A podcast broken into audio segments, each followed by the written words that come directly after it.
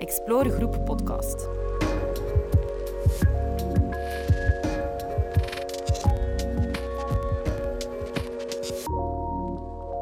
Om futureproof te zijn en competitief te blijven in een snel veranderende markt, is het voor bedrijven een absolute must geworden om in te zetten op digitale transformatie. Nieuwe systemen moeten functioneel, veilig, voorspelbaar en bovenal snel aanpasbaar zijn. Het neusje van de zalm op het gebied van digitale transformatie is het overschakelen naar cloud-native software. Producten en diensten die ultra-gebruiksvriendelijk zijn, voortdurend evolueren en razendsnel kunnen worden opgeschaald. Wil je met je bedrijf, groot of klein, mee zijn met deze digitale revolutie? About time you go serverless. We spreken met Explorer Michael over de omschakeling naar een cloud-native aanpak en welke voordelen dit biedt voor bedrijven. Goedemorgen, Michael. Dag, Breed. Vertel eens, wat is nu precies een cloud-native aanpak? Uh, voor wie is dat interessant? Dat is voor alle soorten bedrijven interessant, van start-ups tot, tot grote uh, ondernemingen. De reden is dat zij zelf allemaal hun, hun eigen voordeel eruit kunnen putten. Start-ups kunnen door gebruik van uh, cloud-native development kunnen gebruik maken van de nieuwste innovaties en tegelijkertijd op, uh, met beperkte kosten hun ontwikkeling uh, doen. En grote bedrijven kunnen genieten van de grote schaalbaarheid die de cloud aanbiedt uh, en op die manier hun diensten zeer betrouwbaar aanbieden. En Cloud Native Development zelf is het bouwen van jouw applicaties zodat ze gemaakt zijn om in de, in de cloud te draaien specifiek en alle features te benutten die de cloud providers zelf, zelf aanbieden. Dus omschakelen naar Cloud Native biedt dus heel wat voordelen. Kan je enkele concrete voorbeelden daarvan geven? Ja, zeker. Je hebt uh, enerzijds het uh, innovatieve aspect. Die cloud providers die bieden allemaal een hele reeks van services aan, gaande van dataopslag tot uh, capaciteit om jouw applicaties te runnen.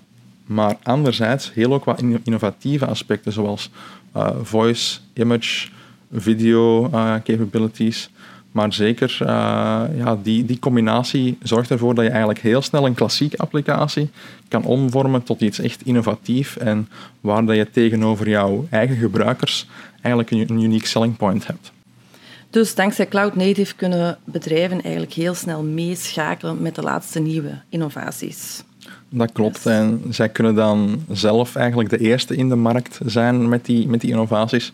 Of zij kunnen vlot meevolgen met, met de anderen, zodat ze eigenlijk niet achtergeraken tegenover hun concurrenten. En dat is uiteraard belangrijk.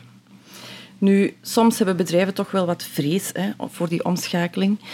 Ze denken vaak, het is tijdrovend, het zal een dure aangelegenheid zijn. Klopt dat ook? Hoe ziet zo'n parcours er eigenlijk uit? Ja. Bij Explore Group is er eigenlijk altijd de focus op uh, business value leveren voor onze, voor onze klanten. En dat betekent dat we ook gaan kijken binnen hun landschap uh, wat er reeds bestaat en wat de innovatietrajecten bij de klant uh, zijn. En welke type projecten het meeste nut hebben van, van Cloud Native Development. Ik kan een voorbeeldje geven. als je specifieke projecten hebt die daar jouw eindklanten gemaakt moeten worden, met uh, een mobile app bijvoorbeeld, of een visibele website die jouw eindklanten gaan gebruiken, ja, dan is het investeren in het feit dat die zeer betrouwbaar en beschikbaar moet zijn, is daar zeker nuttig. En dan kan je zeker die voordelen van een, van een cloud-native applicatie gebruiken. Goed.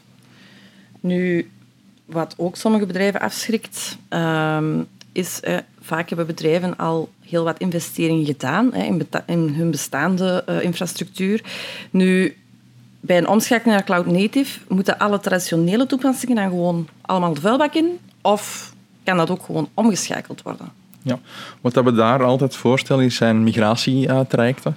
Net zoals bij de nieuwe projecten ga je bij de bestaande projecten kijken welke, uh, wat de bestaande as-is-architectuur is en ga je kijken welke opportuniteiten dat je hebt om die beter te maken. Dat kan zijn kost. Je wil ze goed, goedkoper beschikbaar hebben.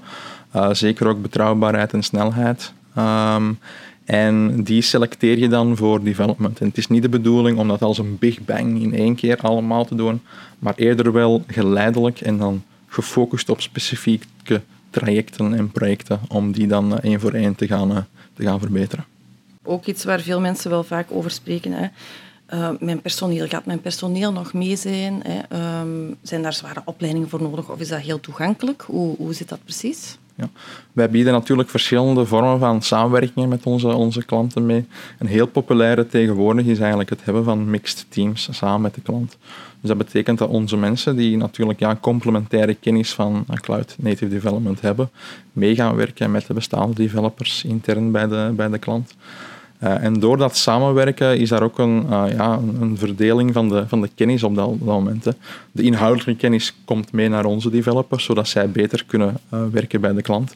Maar de technische kennis rond Cloud Native Development gaat dan ook naar de interne developers. Plus ja, daarnaast kunnen er ook nog meer formele trainings bijvoorbeeld plaatsvinden in, in klasformaat of, in, of, via, of online. Uh, maar dat, is, uh, dat zijn ook een van de mogelijkheden. Maar zeker behapbaar, dus hè, voor de meeste uh, ja, mensen. Ja. En het geeft ook een extra boost ook vaak qua hun interesses. Want de meeste developers zijn natuurlijk ook geïnteresseerd in, in nieuwe innovatie en technologie. En ja, zij kunnen daar alleen maar geenthousiasmeerd door worden. Michael, serverless, dat horen we ook heel vaak. Wat wil dat juist zeggen? Vroeger in de beginnen Waren er veel natuurlijk bedrijven die een eigen serverpark hadden, een eigen infrastructuur. En dan werd je natuurlijk snel geconfronteerd met de eindige capaciteit ervan, zolang je geen eigen extra servers bijkocht. In de cloud zijn die aspecten opgelost doordat je kan uh, extra capaciteit on-demand mee extra bij opvragen.